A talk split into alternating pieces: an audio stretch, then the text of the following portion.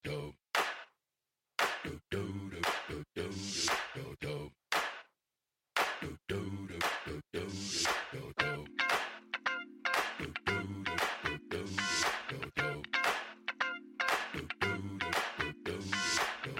god morgen.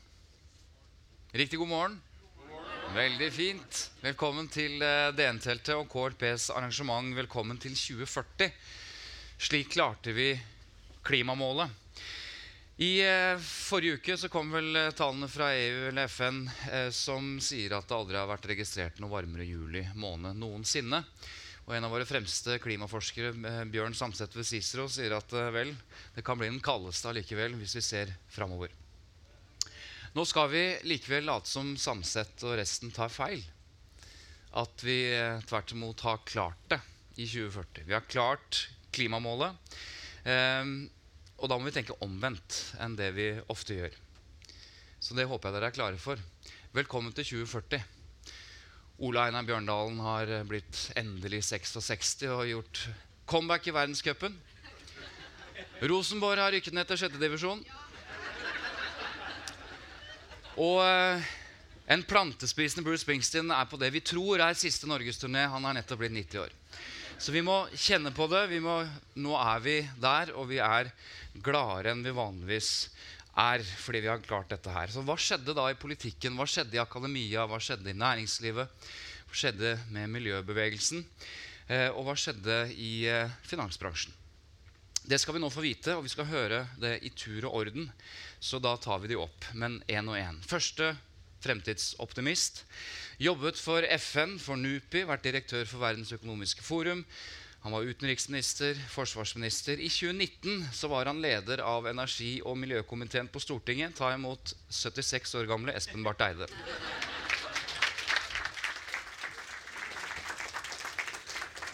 Tusen takk, Svein Tore. Og for det første må jeg si at 76 år er ingen alder. Eh, og særlig ikke her i 2040, hvor de har vært så mye bra eh, medisin.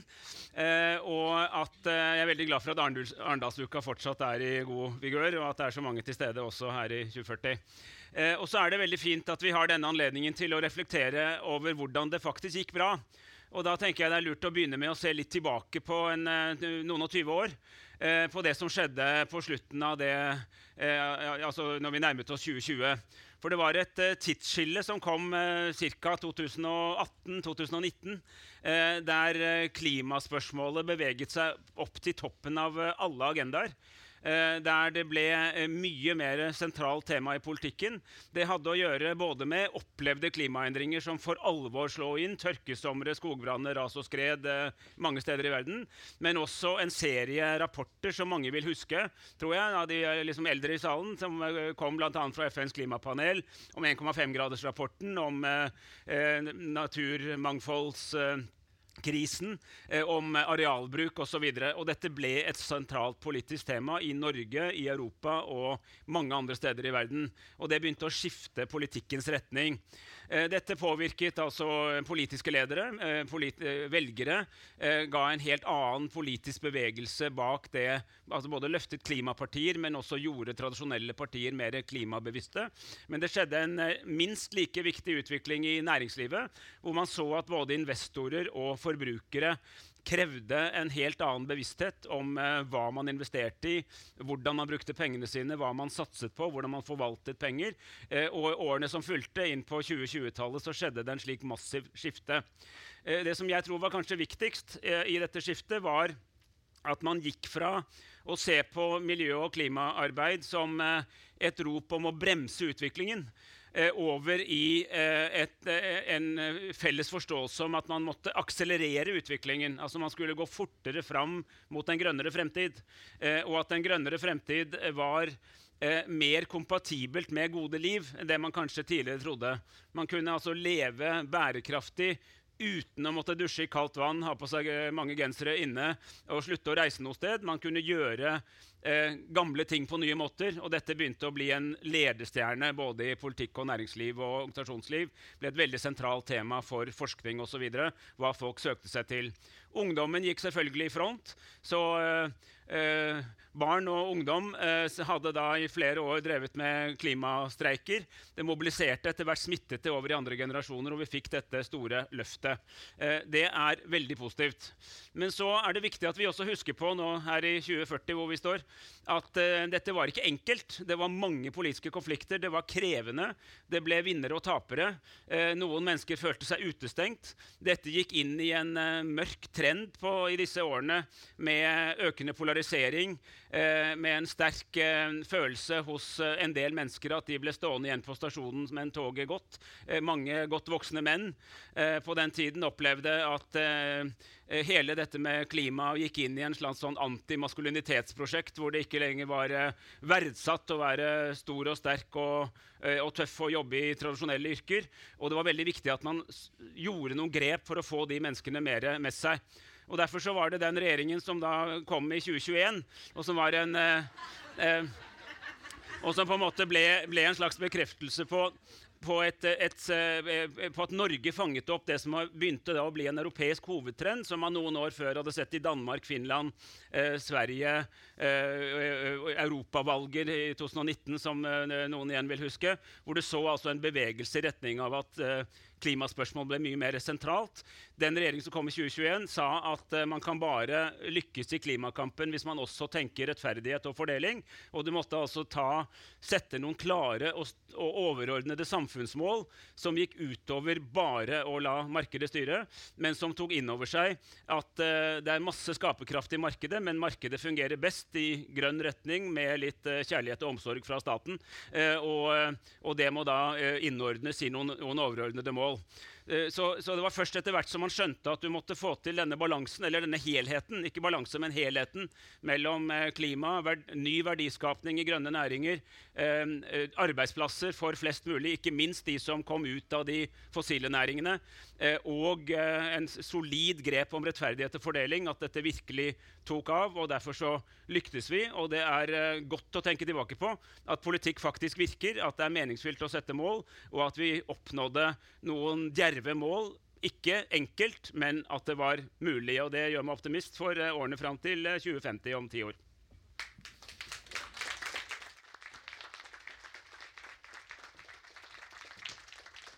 Takk skal du ha. Takk skal du ha. Neste taler var 19 eh, år i 2019. Hun var talsperson for Grønn Ungdom. Hun debuterte også på Stortinget som tredjevara for MDG og var faktisk fungerende parlamentarisk leder, den yngste noensinne. Kvitterte med en tordentale mot resten av Stortinget og deres miljøpolitikk, og fikk refs av stortingspresidenten da hun kalte politikernes miljøpolitikk for en flopp. Vi vet hun hadde rett. Nå har hun vunnet. Hun har blitt 40 år. Ta imot Hulda Holtvedt.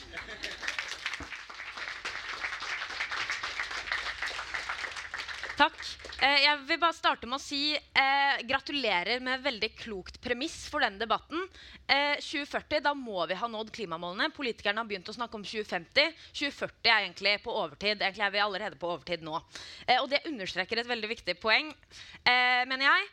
Eh, og det er at det er ikke min generasjon som skal løse klimakrisen. Det er deres.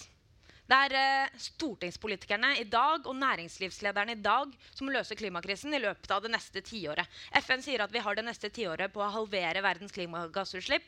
Norge er et rikt land, vi bør gjøre mer. Så her er det bare å få alle mann til pumpene. Så skal jeg eh, ja, enig i at vi får en ny kurs for politikken fram mot 2040. Og jeg skal peke ut eh, tre konkrete politikkområder eh, hvor vi i aller høyeste grad får en ny kurs. Det første er nærings- og industripolitikken. Vi kan ikke fortsette å produsere olje fram mot 2040. Hvis vi skal nå klimamålene våre, så er markedet for olje i Europa veldig veldig mye mindre i 2040. De skal være helt utslippsfrie allerede i 2050. Det er ikke smart nå å investere masse penger i nye oljefelt, så jeg regner med at vi får en ny regjering i 2021 hvor Espen Barth Eide er uh, olje- og energiminister med støtte fra MDG, og hvor han erklærer at nå skal Norge slutte med all ny oljeleting. Og vi skal stanse og subsidiere oljebransjen. Og så bruker vi de pengene heller på å subsidiere og løfte fram de nye markedene som vi skal leve av i fremtiden. Og da er jeg helt enig med deg Espen, at vi trenger en aktiv nærings- og industripolitikk. Og det er ikke sånn at vi ikke har det i Norge i dag. Vi har en aktiv næringspolitikk i 2019 i oljeindustriens favør. Vi har skatteordninger eh, som fører til at vi har en oppblåst olje- og gassindustri som gjør at det i dag investeres sju ganger så mye i olje og gass som i all annen industri. Slik ser ikke bildet ut i 2040. Det investeres ikke i olje og gass, det investeres i all annen industri. Så skal vi heller ikke se oss blinde på industrien. For selv om vi i høyeste grad trenger å utvikle en ny industri for å ha verdiskapning i fremtiden, eh, så er det også sånn, det er mange som sier at eh, vi kan ikke leve av å klippe håret på hverandre i fremtiden. Vi skal også leve av å klippe håret på hverandre. Land som vi liker å sammenligne oss med, Sverige, Danmark, de har en uh, mye større tjenestesektor enn det vi har i Norge. Vi henger på en måte fortsatt litt igjen i industrialderen. Og det, vi er jo rike, på en måte, men uh, vi er en mer gammeldags økonomi enn de er. Så flere skal jobbe med å klippe hår på hverandre, jobbe med kunnskap, teknologi. Uh, og vi må klare å skape verdiskapning med jobber som ikke øker utslippene eller gå på bekostning av naturen. Det er på en måte hovedregelen. Og hvis vi har klart det i 2040, eh, så ligger vi veldig godt an. Eh, det andre politikkområdet som jeg tror vi må se eh, store endringer i fram mot 2040, det er eh, avgiftspolitikken. Og dette handler om sant, den evige debatten om vi må gjøre livsstilsendringer for å redde klimaet. Jeg vil at i 2040 så kan jeg være 40 år, kjøre i el eller annen elbil, Tesla kanskje, kanskje noe nytt som ikke er på markedet nå, til jobben min eh, som, som liksom person i et energiselskap som selger ren energi til Europa. Og så spiser jeg labbkjøtt til middag, og så i helgen så tar jeg weekendtur til London med elfly. Altså, det håper jeg at skjer. Eh, men utslipps utslippskuttene må på en måte komme før 2040 og før den weekendturen til London med elfly i 2040. Og da er vi nødt til å kutte utslipp med de verktøyene vi har i dag, som er å slutte å gjøre det som forurenser. Og da trenger vi et avgiftssystem som i veldig mye større grad belønner miljøvennlige valg og faktisk gjør det dyrt å forurense. Det skal koste å slippe ut CO2 i atmosfæren. Eh, og i 2040 så er det ingen som kommer til å gjøre det lenger, fordi det er så sykt, sykt dyrt. Hvis vi priser de ødeleggelsene på klima og natur som vi mennesker gjør i dag, eh, riktig, så kommer ingen til å kunne gjøre det. Ingen kommer til å ha råd. Så eh, har vi fortsatt et eh, oljefond i 2040. Og det bruker vi fortsatt som en motor i det grønne skiftet over hele verden. Vi investerer i fornybar energi over hele verden oljefondet har fått som formål ikke bare å være pensjonskasse, men også å være et verktøy i klimakampen. Og vi bruker den enorme eh, finansielle makten vi har, til å snu utviklingen i næringsliv over hele verden. Og så tror jeg det er litt sånn viktig å huske at de neste 20 årene, da, så er det da det står. Og hva som skjer etter 2040, det er på en måte eh, det er på en måte mindre relevant. Det er nå vi må gjøre det. Og da er det selvfølgelig sånn at eh, det er mange klimapartier i Norge som lenge har snakket om drastiske grep.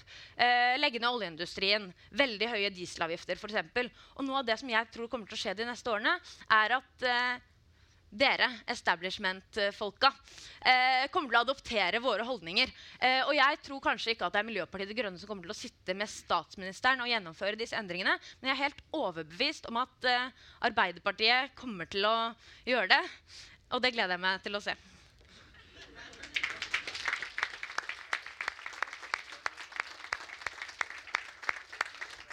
Veldig bra.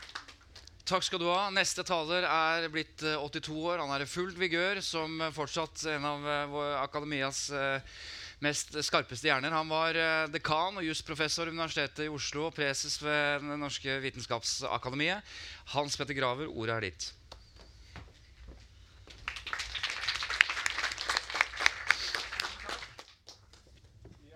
Ikke så lett å tenke hvordan vi har nådd klimamålet i uh, 2040. Man kan tenke seg uh, flere uh, mulige utviklingsforløp. det jeg tror er et premiss, er at løsningen først og fremst finnes utenfor Norge.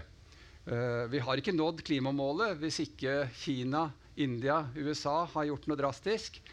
Uh, det er det ene. Og det andre det er at i hvert fall historisk sett så er jo de eneste gangene som det har skjedd noen utslippsreduksjoner av betydning, det har vært gjennom kriser. murens fall, finanskrisen i Asia, finanskrisen for noen år siden. Så la oss ta ett scenario da. Det skjer ingenting. Uh, utslippene øker, og vi når uh, tippepunktet. Permafrosten smelter. Amazonas uh, tørker ut og blir en ørken. Og temperaturen stiger og stiger. Dette vil jo føre til store katastrofer i utsatte land. matvaremangel, nød. Eh, det vil føre til at tenk dere, når byer som Amsterdam, New York, Shanghai blir rammet av havstigning, hva skjer da med finansmarkedet? Altså, forsikringsselskapene går selvfølgelig konkurs, finansmarkedet bryter sammen, oljefondet forsvinner, arbeidsplasser forsvinner, pensjoner forsvinner, og utslippene går ned. Rett og slett fordi alt går i stå. Så det er det ene scenarioet vi står overfor. La oss ta et annet scenario. Vi har en uh, forfengelig leder i uh, et av verdens uh, største land, Donald Trump. La oss tenke oss at han nå i løpet av neste år klarer å få Nord-Korea til å fjerne atomvåpnene. Av hybris så ser han seg etter det neste store prosjektet. og Det er å løse klimakrisen. Han strekker ut til Xi Jinping, og de lager et energikartell rettet mot fossil energi eh, for å tjene penger på fornybar energi. Belt and Road ruller ut med kjernekraftverk beskyttet av uh, kinesiske og amerikanske soldater. Uh, kartellet til Kina og uh, USA rammer Norge. Vi blir skviset ut. Vi må stoppe med enhver oljeutvinning. Ellers får vi ikke solgt laks, ellers får vi ikke støtte gjennom Nato osv.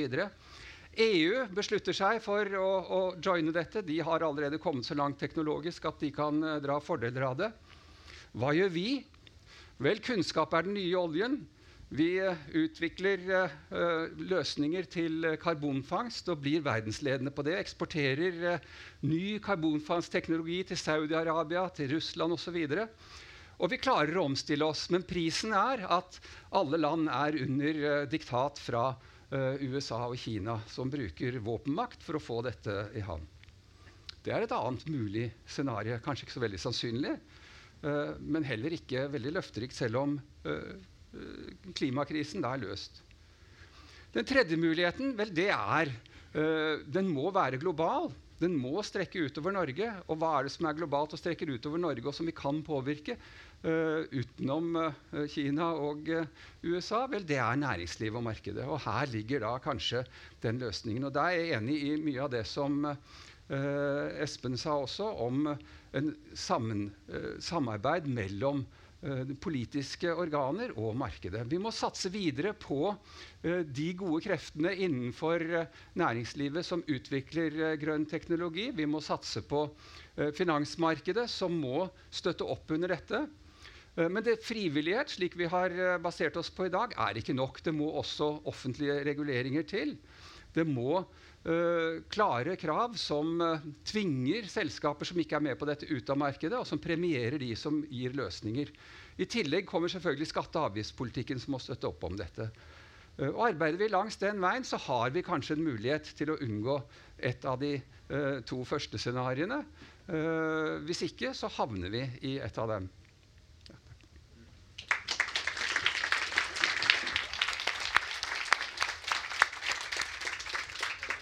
Er gøy, altså. Eller i hvert fall noe av det er gøy. Andre er helt uh, utrolig skremmende. Neste taler eh, gjorde seg i 2019 bemerket eh, fordi hun talte på sett og vis sin egen bransje midt imot, bl.a. ved å snakke om at vi må holde oss unna Lofoten og Vesterålen. Eh, som eh, visekonsernsjef og COO i eh, Europas største uavhengige olje- og gasselskap, Wintershall DEA, så har hun selvfølgelig savnet Oslo noe så inn i granskauen, så hun er blitt pensjonist, flyttet hjem til hjembyen, og, nå er hun blitt 72 år. Ta imot Maria Morell Hansen.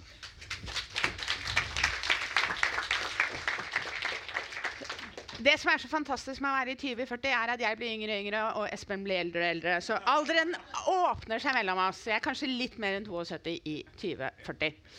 Så kan man jo lure på Hvorfor eh, står jeg her i dag uh, i 2040? Og det er kanskje fordi at jeg i 2020, på Arendalsuka 2019, eh, var en del av norsk olje- og gasshistorie. Og som jo da i 2040 vil fremstå som en pionervirksomhet som løftet Norge. Det som jeg har lyst til å reflektere over, som i 2040, når vi står her, ikke nødvendigvis er så opplagt for alle, det var hva skjedde mellom 2019 og 2040. Det ene var det som virkelig gjorde at verden så annerledes ut enn det vi trodde, var at vi fikk en dekobling mellom økonomisk vekst globalt og energiforbruk. Energieffektivitet slo igjennom. Frem til 2020 hadde vi alltid forbundet økonomisk vekst med økt forbruk av energi. Altså tror man at man må øke produksjonen av energi for å skape økonomisk vekst. Men pga. teknologi Pga. energieffektivitet, som allerede i 2020 ble veldig dominerende i Europa, så forbruker vi mindre energi globalt i 2040 enn vi gjorde i 2020. Og det betyr masse. Det betyr bl.a. at den virksomheten som vi drev, som vi vokste på som Norge, som identifiserte Norge frem til 2020, olje og gass, selvfølgelig fortsatt er der fordi det er produkter, men prisen er latterlig lav. Energi kommer til å være abundant. Solenergi, vindenergi, olje og gass. Energikostnaden for mennesker generelt er veldig lav. Veldig lav. I 2020 brukte vi masse penger på energi. I 2040 kommer vi til å bruke veldig lite penger på energi. Energi er så billig at det nesten er som luften vi eh, forbruker. Det endrer selvfølgelig premissen for all energidiskusjon fullstendig. Nor Norge driver fortsatt med olje- og gassproduksjon. Nasjonalstater driver fortsatt med olje- og gassproduksjon. Det siste fatet kommer til å være produsert fra en nasjonalstat, ikke fra et privat selskap. Men det er ikke en dominerende faktor i energibildet i 2040. Da er det vind, det er elektrisitet, men det er også lokal konsum og produksjon som står i førersetet. Så disse massive, store prosjektutbyggingene som vi kjente, om det var vannkraft, om det var olje og gass i Barentshavet eller hvor det var, de har på en måte forsvunnet fordi energi produseres og konsumeres lokalt i byene, i husene, hos konsumentene. Det er en desentralisering. I 2020 snakket vi masse om energy transition. Og så tror vi at det bare handlet om dekarbonisering, men det gjorde ikke det. Det handler om digitalisering og desentralisering. Et helt nytt energisystem vokser frem, men vi har vært gjennom noen smertefulle perioder fordi at det energisystemet er et av våre største og på mange måter mest vellykkede globale nettverk. Måten vi handler energi på i 2020, kommer til å endre seg dramatisk. Så har vi greid å dekarbonisere. Og hvorfor har vi greid å dekarbonisere? Fordi teknologi faktisk virker. Teknologi virker. Politikk virker ikke alltid. I 2040 så kommer vi til å tenke nasjonalstaten i 2020. Alle forventningene til vi hadde til politikk. Ja, mye skjer, men de store bedriftene, de store selskapene, de har lokale, nei, globale forbrukere. Og det var den globale forbrukeren som tvang de store selskapene til å endre kurs og bli bærekraftige. Det er forbrukermakten som er global, som kan få oss til å være en del av løsningen i 2040. Og det du da ser i 2040 når man står her, det er at det handler om byer, det handler om store internasjonale selskaper, det handler om den globale forbrukeren. Og den globale forbrukeren har påvirket oss til å ha råbillig olje, råbillig gass, råbillig energi og en masse trykk på teknologiutvikling. Sånn at når vi nå pendler mellom Oslo og Stavanger, eller mellom Hamburg og Stavanger, så gjør vi det på elektriske fly. Det er teknologien som kommer til å redde oss. Beklager, jeg tror ikke politikken greier å gjøre det.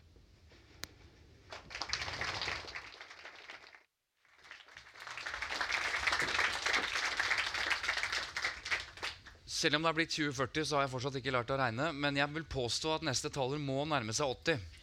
Eh, og tro det eller ei, eh, Sverre Tornes er fortsatt konsernsjef i KLP. Eh, ingen særaldersgrenser der i gården, eh, men han står på, like engasjert som den gangen, så ta han vel imot.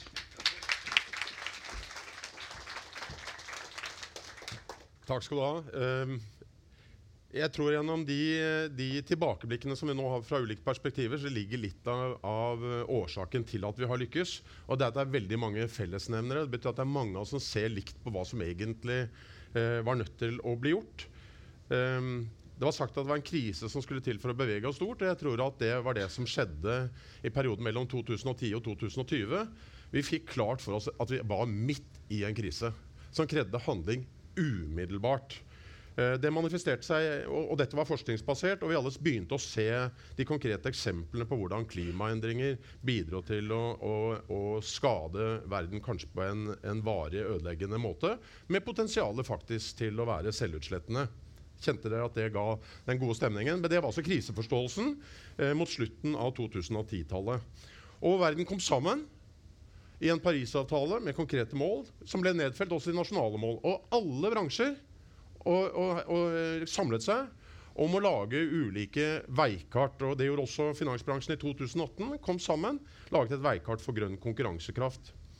Den var kanskje ikke voldsomt ambisiøs, men den pekte på at bransjen tok dette på alvor, og alle begynte å bygge betydelig kompetanse på hvordan klimaet kom til å påvirke oss.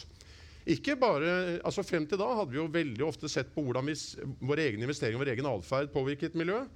Nå ble fokuset hvordan vil miljøendringer, ulike scenarioer, påvirke vår egen virksomhet. Og Gjennom denne klimarisikotankegangen var det veldig mye konstruktivt som skjedde. Vi trengte bedre og samstemt begrepsapparat. Så internasjonalt ble man enige om når man snakker om dette, hva betyr det? Det kastet myndighetene seg eh, over og innførte like tøffe rapporteringskrav på disse tingene som vi hadde på regnskapsregler opp gjennom tidene. Gjennom bedre rapportering fikk vi bedre analyseverktøy til å utfordre selskapene som vi investerer i, låner ut penger til, og stille krav og vise forventning om at alle virksomheter som skulle få tilgang til kapital, de måtte ha konkrete planer om hvordan de skulle drive og utvikle sin forretning forenlig med klimamålene. Så krav til rapportering det var faktisk en av de aller viktigste forutsetningene for at dette virkelig sparket fart på begynnelsen av 2020-tallet. Myndighetene de gjorde et skarpt grep i Norge. De hadde til nå tenkt beskyttende for egen næring. Nå så de muligheten til raskt å signalisere vi kommer til å endre avgift- og skattesystemet. Vi gjør det nå med så lite men det kommer til å øke og øke og øke og øke, så retningen er gitt. Samtidig så sa de men dere kan få subsidier, støtte og skattefritak for investeringer i det som er fremtidsrettet. Så det var både pisk og gulrot. Da tok finansbransjen frem en annen type kalkulator og regnet fort på at risikoen For finansbransjen er ganske kynisk. Vi plasserer der vi får det beste forholdet mellom risiko og avkastning. Men når risikoen endret seg vesentlig, så endres også investeringene seg. Næringslivet tok dette på alvor fordi de var engstelige for tilgangen på kapital. Men også fordi at kundene endret atferd. De forventet rett og slett at alle steder de kjøpte varer, alle de de hadde med å gjøre, de endret sin virksomhet og sine produkter også i tråd med klimamålet. Og da kjenner dere at her kom det en veldig potent, potent virkemiddelbruk i, i gang. Og, og, det er det som gjør at vi når vi ser tilbake, så ser vi at veldig mange av de samme selskapene som vi eide i 2020, de eier vi fortsatt, men de driver på en annen måte. Eller de driver med andre ting. Så er det veldig spennende, for det er også kommet til mang, mange nye virksomheter. Virksomheter som bygger på andre forretningsmodeller. Delingsøkonomi og gjenbruk er to stikkord som har skapt masse arbeidsplasser. Veldig spennende produktområder og tjenester. Um, samtidig så hadde vi et dilemma fordi Pengene hadde jo hopet seg opp i den vestlige delen av verden. Men der man fikk størst avkastning på å investere i fornybar energi, og energibehovet er, var stort, og til tross for energiøkonomisering og effektivisering, så var det et stadig stigende energibehov. Vi gikk i dialog med myndighetene i vestlige verden, som laget garantiordninger som stimulerte de som hadde pengene, til å investere nettopp i ny produksjonskapasitet innenfor det fornybare området. Statens pensjonsfond utland investerer, jo, eh, invester, investerer, i dag veldig store midler i en veldig lønnsom sektor, nemlig energiproduksjon. Langt utenfor landets grenser, eh, selvfølgelig, eh, og særlig i u-land, som trenger energibehovene eh, størst. Så det er vel egentlig når vi ser på hvordan vår virksomhet og finansbransjen generelt er endret, så investerer vi i de samme selskapene, men de driver, de driver lønnsomt med noe annet. Og, og vi investerer i ikke-børsnoterte selskap i mye større grad enn det vi gjør i dag. Selskap som er knyttet til energiproduksjon, også i land hvor vi tidligere ikke var investert, fordi vi har fått eh, støtteordninger som sikrer oss at det er lønnsomt. Så lønnsomheten, forbrukeratferden, er driveren for den store omstillingen, og investeringene følger lønnsomhetspotensialet.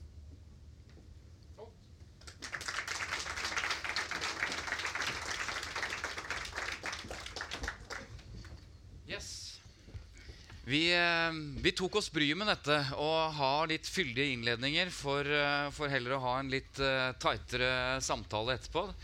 Må gjerne Det ser liksom, Det ser vel litt sånn trange ut. Sånn. Sånn. Ok. Eh, Espen, du var først eh, oppe. Nå har du sittet og hørt på andre typer fremtidsscenarioer. Eh, hva er det du har hørt nå de siste som du vil eh, gripe fatt i? For jeg, jeg, vet ikke om du har en uvane, men Espen sitter på første rad. Ja, ja, ja, sier han. Ja, ja.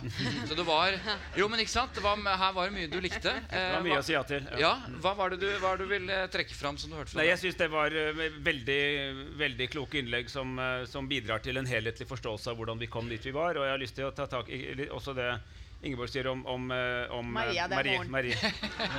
Jeg vet det. Vi er ligner veldig. Know, vi vet det. Enda mer i 2040. Maria. Jeg vet det. Ja. Det Maria eh, minnet om.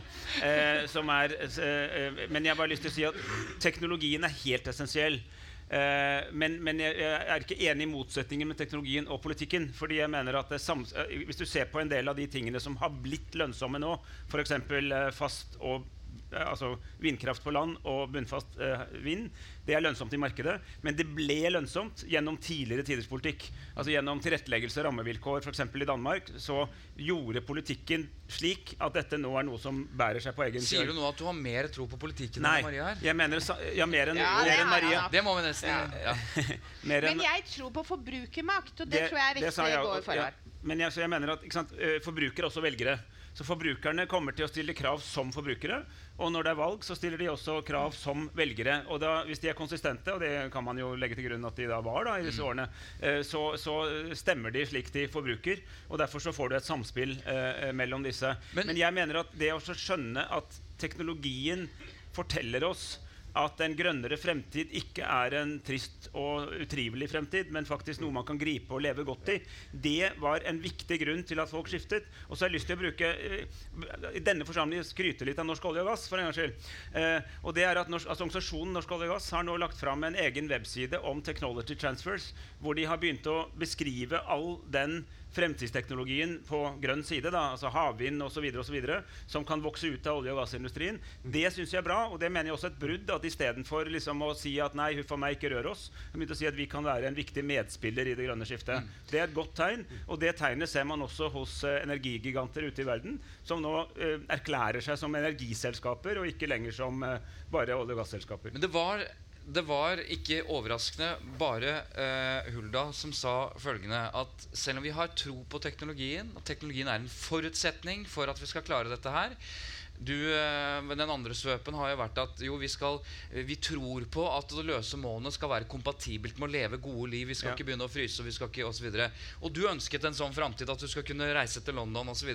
Men hun var den som sa før det. Ja, men det er enig. Ikke sant? Men det er litt- Før det så må vi endre oss, endre livsstil osv. Jeg kan- vil gjerne bare høre, høre hva alle Høre alle mener, du også, om det. Er det et premiss også i deres fremtidsscenario at før teknologien løser alt, så må vi endre oss? Sverre først, f.eks. Ja, jeg, jeg tror det. Men jeg tror at det må påskyndes gjennom skatter, avgifter og priser. Eh, det er noen som har vilje til å endre seg uten det.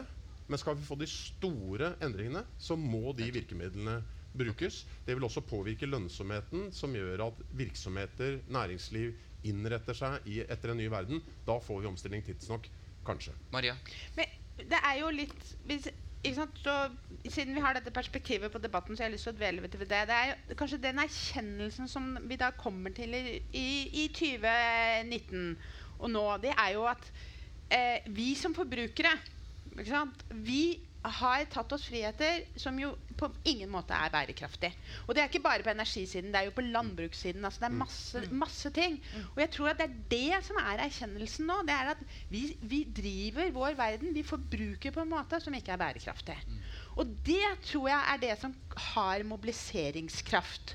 Og de som responderer på det, det er jo motparten til forbrukerne, altså de som produserer noe. Og der tror jeg det ligger en voldsom kraft. Så er de også velgere. Men, men litt av min bekymring, da, bare for å dra opp det perspektivet med en gang, det er at eh, jeg er er jo privilegert og får lov til å delta i disse diskusjonene i, i forskjellige land. Og diskusjonene er veldig nasjonale. Så selv om vi er der ute og forsøker å løse et globalt problem, så ender vi opp med å ha veldig nasjonale diskusjoner. Og, og jeg er superimponert over norske politikere. Jeg elsker å være i Jerndalsuka. Men det er jo dessverre ikke norske politikere som kan løse det globale klimaet. Og dette var ditt poeng, Hans Petter, også. Du har bedt om ordet. Men litt, bare hold litt det perspektivet at vi må endre atferd, forbrukeratferd, også før teknologien løser det for oss. Hans Petter. Ja, ja altså Løsningen ligger jo helt klart i et samspill mellom uh, politikk, teknologi og marked. Det er jo det vi har snakket om. Eh, Men det som er utfordringen, det er jo hvor ligger gnisten som får til endring? Fordi jeg tror ikke at endringen vil komme fra det politiske systemet i seg selv. Og jeg tror heller ikke det vil komme fra markedet. Og det vil heller ikke komme fra teknologien. Eh, Så vi på en eller annen måte må vi få til den endringen. Og det er, nøkkelen der er akkurat som eh, Hulda sier, det er i holdninger og endringer. Problemet er jo bare at vi vet for lite om hva er det som eh, får til denne typen holdningsendringer. Eh, Vi satser eh, masse penger på forskning på teknologiske og løsninger, og, og sånn, men vi satser ganske lite på forskning på samfunnet og på hva som gjør at folk eh, å redefinere sin situasjon på en måte som uh, leder til atferdsendringer. Espen også, Hulda. Men, men jeg, altså, jeg er enig med Hulda. Jeg. Altså, det er, når jeg sier at man kan leve gode liv med ny teknologi, jeg mener ikke like, de er ikke identiske med de livene vi lever nå. Nei. De er gode fordi de er like verdifulle, minst. Og Ja. kanskje bedre fordi de er renere og bedre luft og sånn. Men det er ikke sånn at du kan kopiere én til én det du gjør i dag med det du gjør i morgen. Så sånn sett så kreves det også atferdsendring, og det er også et individuelt ansvar. Og der mener jeg ungdommen går foran, for de stiller krav til seg selv. Unge mennesker vet at ethvert utslipp egentlig er et for mye, og derfor tenker de gjennom for eksempel hvordan de reiser, hvordan de forbruker. Så det, de to tingene er kompatible. Men poenget er at hvis du skal fortelle hele befolkningen at alt blir mye verre, så blir det ganske vanskelig å få folk med seg på. Så du må også tegne opp et bilde at det går an å leve bra, og kanskje bedre, men på en litt annen måte. Nettopp. Hulda, så Sverre, og så Maria. Ja. To ting. Ja. Først på global klimakamp kontra nasjonal. Eh, helt enig at eh, klimakampen er et globalt problem. og Vi må samarbeide internasjonalt. Og en forutsetning for at vi skal lykkes fram mot 2040, er f.eks. at EUs klimapolitikk virker. Helt grunnleggende. Eh, så er det også sånn at hvis vi skal lykkes med det her, så må hver eneste bygd, hver eneste by, hvert eneste land ta sin del av klimaansvaret. Og nå for eksempel, er det lokalvalg, og da mener jeg det er veldig rimelig å snakke om de små lokale klimakampene på bitte små tettsteder som står for ekstremt lite av verdens klimagassutslipp. Fordi alle byer og bygder må gjøre det. 70% av verdens befolkning lever i byer. Så selv om våre byer her i Norge ikke er eh, giganter på utslippsstatistikken globalt, så må også vi ta vår del av ansvaret. Og vi lykkes bare hvis alle gjør det. Så på teknologi Ja. og eh, holdningsendring og sånn. Eh, jeg tror at noe av det farligste vi kan gjøre, og noe av den feilen vi har gjort i klimapolitikken i Norge og i verden, det er å eh, sitte og si teknologien skal redde oss, og så tenke at det ikke har konsekvenser for politikken. Teknologiutvikling skjer ikke i et vakuum. Og det som jeg tror vi er enige om, og som mange har nevnt, er jo at politikken må legge de rette og beste rammebetingelsene for teknologiutvikling. På alle områder så må vi gjøre som vi har gjort i elbilpolitikken. Vi må la en um, smart teknologi utkonkurrere en dum teknologi. Sverre. Ja, altså, jeg, jeg mener at vi, vi må innom at etterspørselen driver teknologiutvikling. Og vi kan styre etterspørsel. Uh, når vi er her i Arendalsuken, så må jeg klare at veldig, veldig mange her representerer jo stor innkjøpskraft. Og De innkjøpene må styres i en retning som fremmer en teknologisk utvikling som understøtter klimaet. Det er uh, utrolig viktig. Ikke bare konsumentene, men der har jo polit dere politikere en veldig veldig stor uh, påvirkningskraft. Maria. Men, men jeg har lyst til å ta et eksempel. Øh, og det er, og det, det, dette er det jeg mener om økt energibehov. Det er jo sånn at det er et fint argument som et olje- og gasselskap og si at verden trenger energi, så vi må fortsette å produsere energi. Vi må fortsette, å produsere olje og gass. Men så er det sånn at vi skal også erkjenne at eh, Sub-Sahara, indre Afrika, de kommer aldri til å få energiløsninger fra norsk olje og gass. Altså sorry, sånn kommer det ikke til å virke. Og de kommer heller ikke til å knytte seg opp til det globale nettet. Det kommer til å komme eh, smartnett, smallnett, ikke sant? lokale nett, lokale løsninger. De kommer til å hoppe sprang over veldig mye av den type energiutvikling som vi har sett i den vestlige verden. Og det er litt av det de store grepene som jeg kom, tror man kommer til å se, eller de store utviklingene som du ser på energibildet fremover, som tross alt betyr vel så mye for den globale utslippssituasjonen i 2040 som det vi av og til diskuterer lokalt, selv om alle skal bidra. Men vi må på en måte få til noen paradigmeskifter, og det kommer. Det kommer i store konsumentland som er energifattige i dag. Espen også, Hans Petter. Ja, og det, og dette, dette er helt enig med Maria i, og dette kan jo gi eh, dette er også noe Norge faktisk kan bidra til. fordi at vi har veldig mye av den kompetansen som skal til for å bygge liksom, rene, moderne eh, elløsninger. DDE kan også forstås som eh, desentralisering, digitalisering og elektrifisering. Altså at du både lager lokale nett og elektrifiserer alt. Og liksom det dummeste som kunne skje nå, er jo noen land som ikke bruker fossile brensler i dag, skulle begynne med det nå.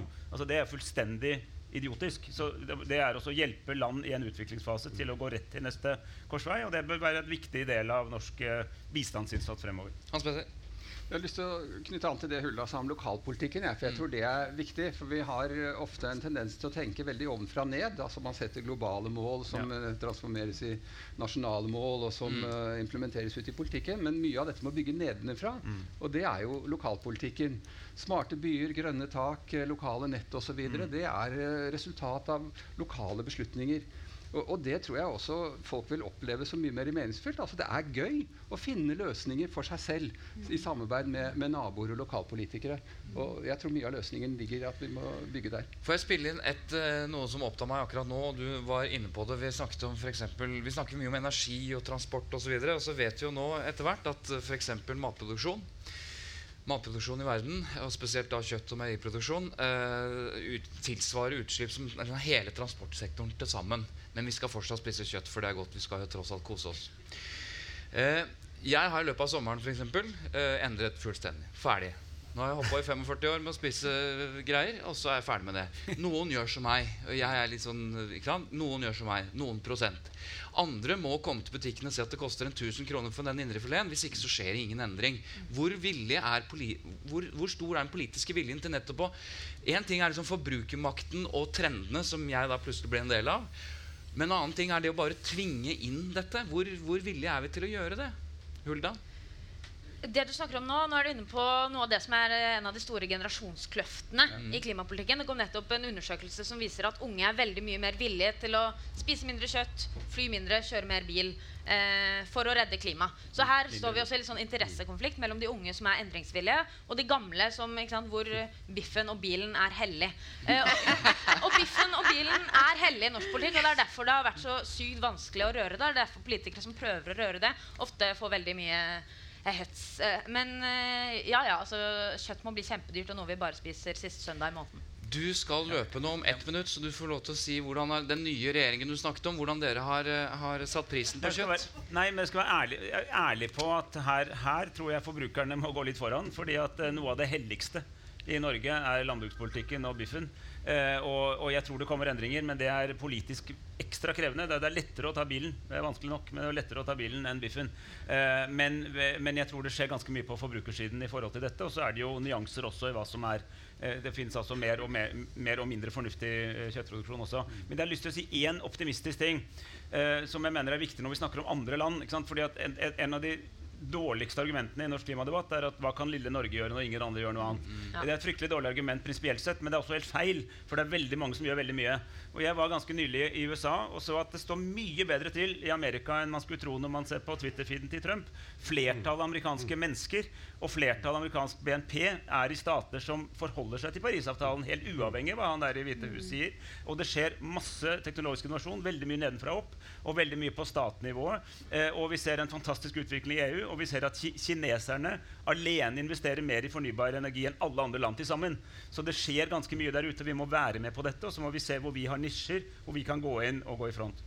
Du skal få lov til å løpe. Vi skal bruke bare noen minutter på å, å oppsummere, selv om vi er over tiden. Det kommer noen etter oss også, så vi må være raske. Eh, jeg må ha lyst til eh, Maria, du, du har jo markert deg som jeg sa innledningsvis, ved å være litt annerledes, har litt andre holdninger. Men du representerer da fortsatt det som eh, Hulda ikke setter så voldsomt pris på. Hun snakket noe om det innledningsvis. Framtida til f.eks. olje- og energisektoren. Eh, er, du, altså, er du enig i at, eh, at vi produserer ikke olje og gass i 2040? Jo, det tror jeg vi kommer til å gjøre. Og, og grunnen til at vi produserer Altså, gass er jo tross alt fortsatt en mulig liksom, Så kan man diskutere tidsperspektiver her, da, men det er jo klart at det er ikke noe tvil om at hvis vi bytter kull mot gass, så ville vi fått en, en klimaeffekt, en reduksjonseffekt, umiddelbart. Så er jo da det store spørsmålet hvor bærekraftig på lang sikt er en sånn type løsning. Men på kort sikt så er det opplagt en løsning. Og så er det jo også dekarbonisering, som jeg har stor tro på. CCS, men også annen form for dekarbonisering som man kan gjøre i gassverdikjeden. Så jeg tror på en gassverdikjede, hydrogenverdikjede, ammoniokjede fremover, som vil være mye renere enn det vi ser i dag. Når det gjelder olje, så tror jeg nok at olje som primærenergi ikke produseres i 2040, eh, men det er jo et produkt. Eh, og det produktet ser jeg liksom ikke erstatningen for umiddelbart. Men det interessante, og som jeg mener er et stort paradoks, det er jo at markedet virker fortsatt. Og jeg tror at på lang sikt, altså megatrenden, er at olje og gass må bli billigere. Og så skal det både bli billigere, og så skal du sl få forbrukeren til å slutte å bruke det. Og det er jo et sånt paradoks. Ja, det er litt paradoks, ja. Ja. Altså, hvis vi skal fortsette med å produsere olje og gass, så må vi få et ordentlig karbonregnskap for uh, olje- og gassproduksjon. Det vil si at man må være karbonnøytral. At man må lagre like mye CO2 som man bringer ut. For hovedproblemet er jo at vi har frigjort for mye av det lagrede fossile uh, energikildene. Så vi kan egentlig ikke tillate oss å produsere mer olje og gass med mindre vi reduserer karbonen eh, parallelt. Og det og det må skje i sektoren. Ja, også. og det tror jeg kommer til å skje i de private, store selskapene. Jeg tror at, sant, Det ene er jo Jeg har veldig tro på dette med, med eh, eh, publisering og transparens på, eh, på eh, carbon footprint eller utslippsfootprint. Eh, og at det, du må stå til ansvar på det på lik linje som du står til ansvar for andre typer elementer. Men, men, uh, men så tror jeg at det som igjen, fordi du har forbrukere, fordi du er globale selskaper, så tror jeg forbrukerne dine, kundene dine og stakeholderne dine kommer til å tvinge deg som privat selskap til å gjøre disse tingene. Men det fins nasjonalstater som allikevel kommer til å fortsette å produsere. For jeg tror ikke vi på, får den globale CO2-taksen. Helt avslutningsvis, selv om dette var et positivt premiss, vi klarte det i 2040, så er det forskjell på hva vi tror og hva vi håper på. Eh, hvis dere skal være eh, bånn ærlig, eh, klarer vi det 2040? Det vi nå har snakket om, kan ta en runde. Klarer vi å nå klimamålet i 2040? Jeg vet at vi må, men klarer vi det? Så tar vi bare hele rekka vår. Fordi vi må, så kan vi ikke tro noe annet heller. Nettopp. Ja, Store deler av næringslivet ligger mange hestehoder foran politikerne. Nå må politikerne følge etter, og vi ligger jo høyt på målingene for tiden. så jeg tror det. Maria? Nei, ja, og, og jeg sier ja fordi jeg er teknologioptimist, men jeg tror nok også jeg tror, øh, Og jeg føler det litt selv også, og, og det er vel øh, det som jeg har gjort meg til talsmann for. Jeg har mange kollegaer som gjør det. Vi føler jo på det, vi òg. Vi skjønner jo hva som skjer. Så det blir litt sånn at vi Det skal en oppvåkning til. Og når kalkulatoren byttes ut med en ny kalkulator, så skjer det noe der også. Jeg er kanskje litt mer bekymret enn de som står rundt meg. Jeg, jeg er redd for at vi gjør for lite og for sent. Mm. Eh, samtidig så gleder jeg meg over en rekke nå gjennombrudd eh, både i bruk av teknologi og teknologi som kanskje gi, eh, gir oss et håp om at vi skal kunne klare det. Og det er jo skrevet mye som viser at det er mulig. Så jeg, tror vi er helt avhengig av en annen type politikere enn det vi har hatt i dag. Men kan du ta med deg den bekymringen du har, og jeg vet du har den ganske dypt i deg, Sverre Ja. Tornes, kan du ta med deg den bekymringen du har inn i resten av din bransje, resten av dine kolleger, og banke det inn? Ja, så Jeg tror ikke det er nødvendig. Jeg tror at veldig mange av de store konkurrentene våre for å si det sånn, men som driver med det samme som oss, er veldig bevisst på dette, er veldig flinke. Så her er det mer å gå i lag og prøve å skape store felles uh, plattformer for uh, oss som sitter og forvalter pengene for fellesskapet, som drar samfunnet i riktig retning. Og der er vi på god vei, heldigvis. Og det gir grunn til optimisme. Da vil jeg takke for at dere kom, og ta med dere både optimismen og alvoret videre. Og tusen takk til panelet. do do